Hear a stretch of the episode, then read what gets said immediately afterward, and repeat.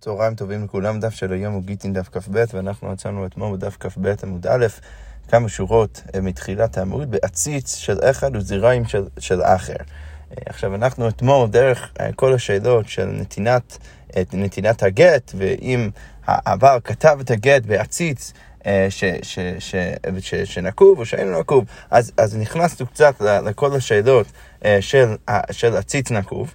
אמ, ועכשיו הגמרא רק תדבר קצת על, על הדרכים שאפשר לקנות עציץ נקוב. עכשיו בואו רק נזכיר לעצמנו מה זה עציץ נקוב. עכשיו עציץ נקוב זה, זה עציץ, זה איזשהו כלי שיש בתוכו זרעים, יש בתוכו כל משהו שגדל אמ, אה, ואפשר לגדול אה, בתוך הדבר הזה אה, כל מיני מאכלים, ירקות וכולי, תלוי מה, מה הגודל, ויש משהו שגדל בתוכו, ולכן יש פה איזשהו סטטוס ביניים, או, או, או לא בהכרח סטטוס ביניים, אולי אפשר לנסח אחרת, יש בעצם שני פנים לדבר הזה. מצד אחד, יש את, את הכלי, שאנחנו יודעים שספציפית אה, בהקשר שלנו, לגבי הקניין של הדבר הזה, אז, אז קונים כלי במשיכה, ויש גם כן את, ה, את, ה, את הזרעים באמצע, שהם נחשבים יותר כקרקע, ולכן יש את הדינים של, של, שלהם, יש להם דינים בפני עצמם, אה, סביב השאלה איך לקנות אותם. אז עכשיו השאלה תהיה, איך אפשר לקנות עציץ נקוב אה, בכל מיני מקרים שונים. אז הגמרא אומר ככה, עציץ של אחד הוא זרעים של אחר. אז עציץ...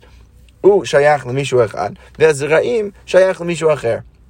אז, אז הגמרא אומרת, מכר בעל עציץ לבעל זרעים, אם בעל העציץ מכר את החלק שלו, את העציץ, לבעל הזרעים, לבעלים של הזרעים, כיוון שמשך קנה, ברגע שהוא מושך את, ה, את העציץ, אז הוא קנה.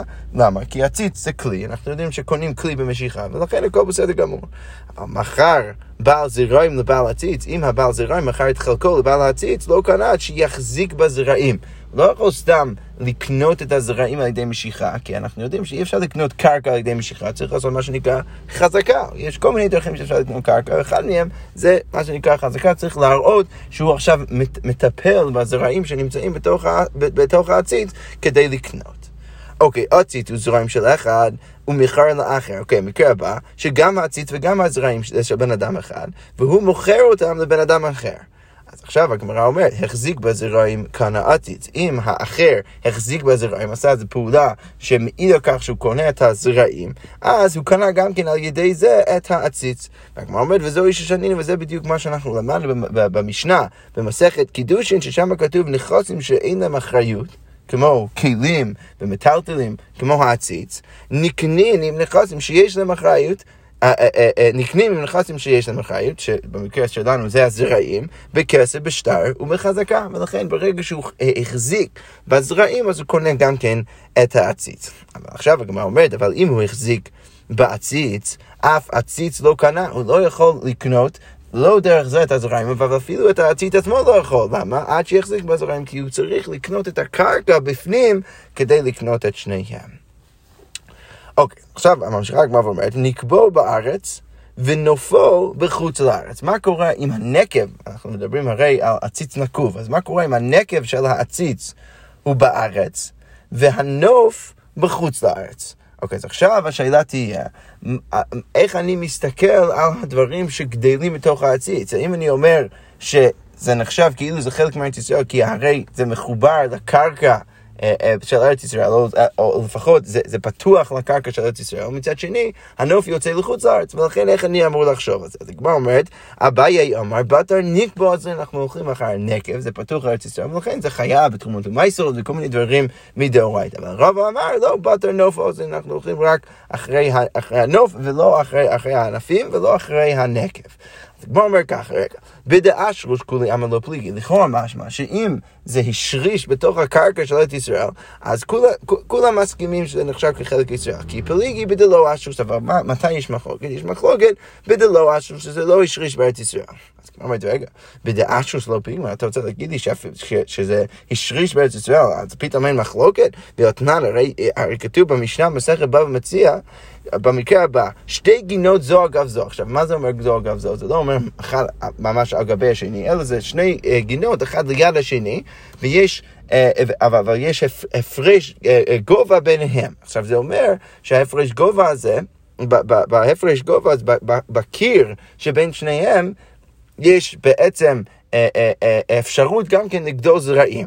אז המשנה שם עכשיו מעלה את השאלה של מי, שי, או למי, שייך, למי שייכים הזרעים האלו שגדלים בקיר בין שתי הגינות. אז, אז המשנה שם אומרת שתי גינות זו אגב זו וירק בינתיים, בקיר ביניהם.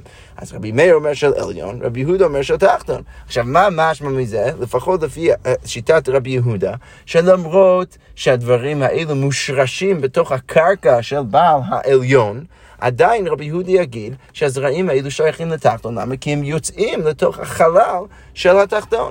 ולכן לכאורה משמע שאפילו בהשריש יש מחלוקת, או, או לפחות תיאורטית יכול להיות שיש מחלוקת. הדגמר אומרת לו, הטעם כדקתני תמה, שם יש את ה, כל אחד, לכל אחד את הסיבה אה, בפני עצמו, שמה כתוב? אמר רבי מאיר, מה אם ירצה עליון ליטות אף ארון כאן ירק? רגע, איך אתה יכול להגיד שזה שייך לתחתון? הרי העליון יכול תמיד פשוט לקחת את כל האפר.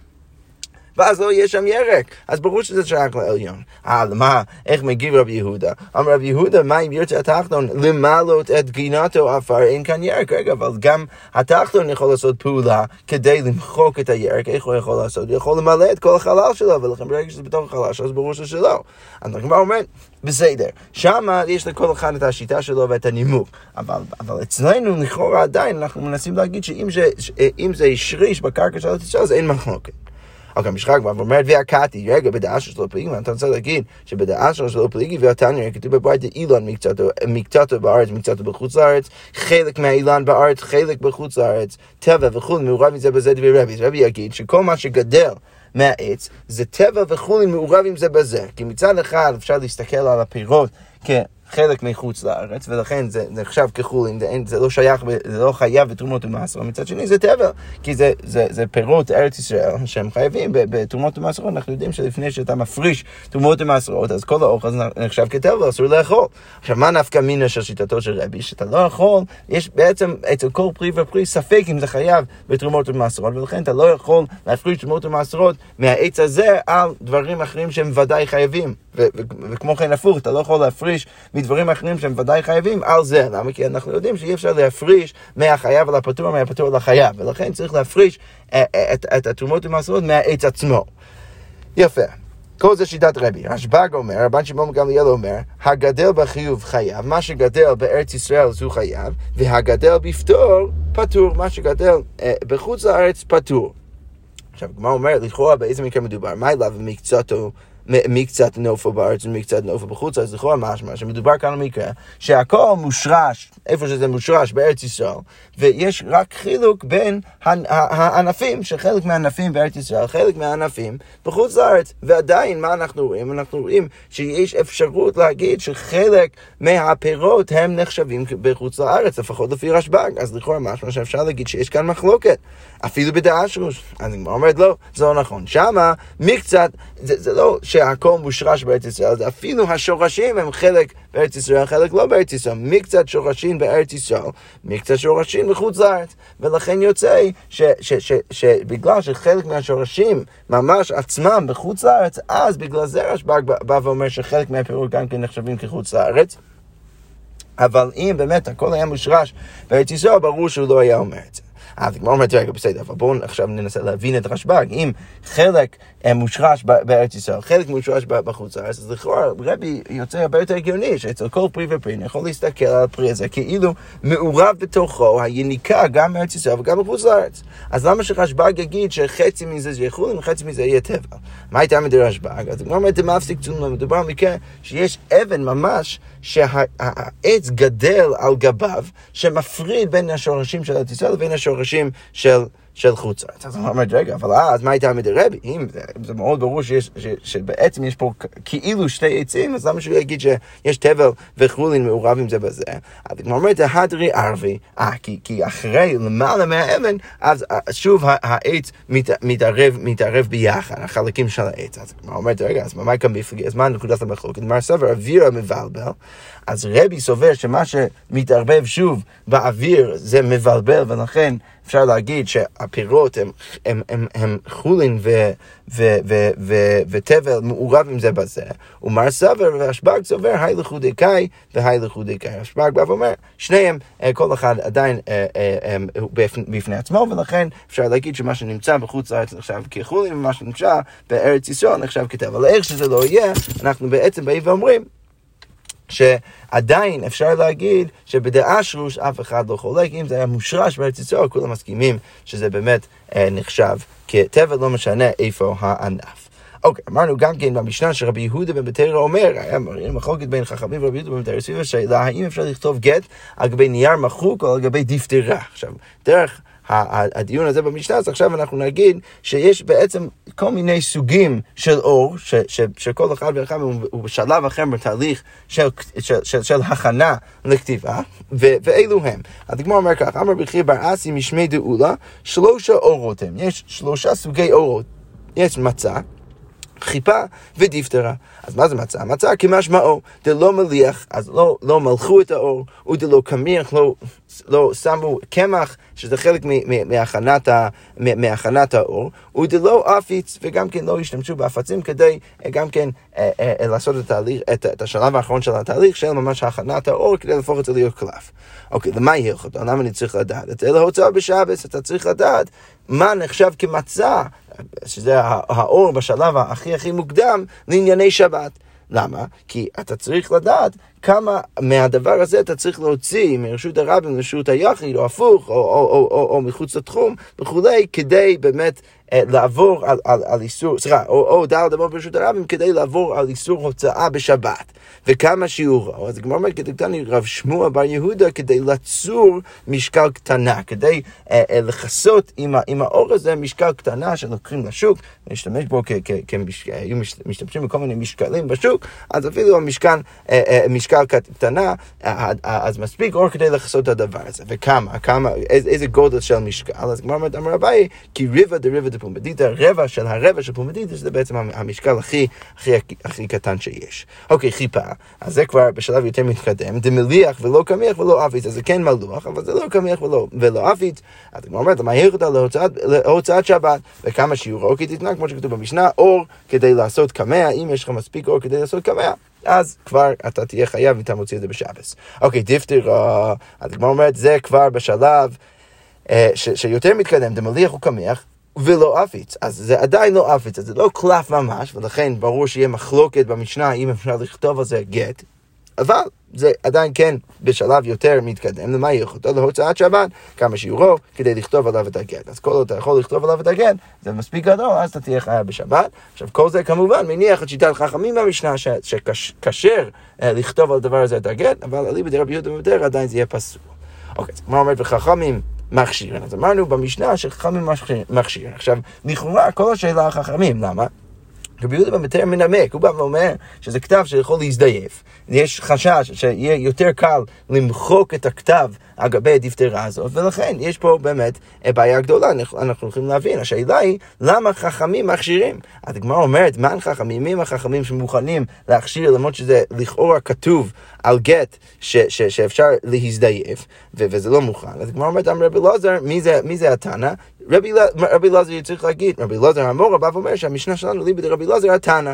שמה הוא חושב, אנחנו כבר ראינו אותו כמה וכמה פעמים, דאמר הייתי מסיר קרטיס, שהוא חושב בכלל שהדבר שבאמת קורט או, מפעיל את הגט זה הייתי מסירה. לכן זה לא באמת קשור לכתיבה, כל עוד יש עדים שרואים שהבעל נתן לאשתו גט, אז הכל בסדר גמור, וזה, וזה לא קשור בכלל לקלף שעליו נכתב הגט, ולכן אפשר להכשיר. אומרת, ואמר רבי אלעזר, רבי אלעזר בא ומוסיף, לא הכשיר רבי אלעזר אלא אלתר, כל זה יהיה רק אם הבעל כתב את הגט ממש עכשיו ונתן את הגט לאשתו, אבל מכאן ועד עשרה ימים, אבל אם זה היה כתוב והוא הביא לה את הגט רק לאחר עשרה ימים, אז לא, אז אנחנו נגיד שלא, שבמקרה הזה זה לא קשה, למה? כי חשינא דלמה הווה בית טענה וזה, סליחה, חשינא דלמה הווה בית תנאה וזייפתה, כי אנחנו חוששים שאולי היה איזשהו תנאי בגט, ובסוף היא זייפה את הגט, כי, כי עכשיו זה היה כתוב כבר עשרה ימים עד לפני שהוא גירש אותה, ויכול להיות שהוא, שהיא זייפה את זה, ולכן אנחנו לא יכולים לסמוך על זה, בסוף יש פה, יש פה קלף שאי אפשר לכתוב עליו את הגט. אוקיי, ורבי יוחנן אמר, אפילו מכאן ועד עשרה ימים, רבי יוחנן יגיד, שאפילו מכאן ועד עשרה ימים, אנחנו נגיד שזה עדיין כשר. למה? כי אם איתה... אם איתא דהווה בתנאי מדחא דחיר, כי אם באמת היה תנאי בגט הזה, אז העדים היו זוכרים מזה, ולכן כל הם היו זוכרים מזה, אז ברור שאנחנו לא צריכים לחשוש. אוקיי, ממשיכה הגמרא ואומרת, ואמר רבי אלעזר, לא הכשיר רבי אלעזר אלא בגיטין. רבי אלעזר שהוא הכשיר, הוא הכשיר את זה רק בגיטין, אבל בשאר שטרות לא, דכתיב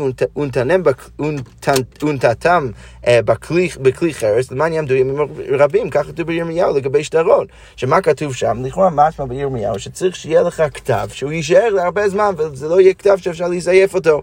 ולכן שם, בשאר שטרות, אנחנו יודעים שיש דין מסוים, שזה לא יהיה כשר. מתי רבי אלעזר יגיד מה שהוא יגיד? רק בגיטין, כי רק בגיטין אפשר להגיד את זה, אפשר להגיד שהייתי מסיר הקרתי והכל בסדר גמור, ובשאר שטרות לא. אבל שוב רבי יוחנן חולק, ורבי יוחנן אמר אפילו בשטרות, לא, רבי אלעזר יגיד את מה שהוא אומר אפילו בשטרות. אז הוא אומר, רגע, והכתיב, למען יעמדו ימים רבים, הרי כתוב בפסוק, למען יעמדו ימים רבים. אז כמו אומר, לא, התם עצה טובה כמה שמלן, זה סתם עצה טובה, אבל להלוכה, רבי אלעזר יגיד שבגלל שהייתי מסיר הקרתי זה נכון גם כן לגבי שאר שטרות. יפה, אנחנו רק נמשיך עם המשנה הבאה, ובזה נסיים. המשנה אומרת, הכל כשרים לכתוב את הגט. כולם כשרים לכתוב את הגט, אפילו, אפילו חירש, שוטה וקטן, גם הם יכולים לכתוב את הגט.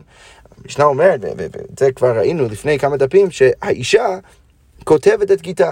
זה כבר, כבר נהיה נורמה שהאישה כותבת את הגיטה. היא ההיא שמשלמת לסופר לכתוב את הגן, ואז היא חייבת להקנות את זה לבעל, כדי שהוא יוכל להביא עדים לחתום עליו, כדי שהבעל יוכל להקנות את זה חזרה לאישה ולהביא לה את הגן ולגרש אותה. והאיש כותב את שוברו, והאיש כותב את השובר שהוא מקבל מהאישה עבור זה שהוא משלם לה את הכתובה, שאין קיום הגט אלא בחותמיו. כי כל מה שחשוב זה החתימה, ולכן זה בסדר גמור שהאישה תכתוב את זה, או שהיא תטפל בכתיבה של הגט, כל עוד היא מביאה את זה לבעל, מקנה את זה לבעל, כדי שהוא יוכל, יוכל להביא עדים לחתום על השטר, אז הכל בסדר גמור והגט כשר. אמ, אה, והכל יהיה כשר. יפה, אנחנו נעצור כאן ונמשיך לך בעזרת השם עם הגמרא. שכוייח.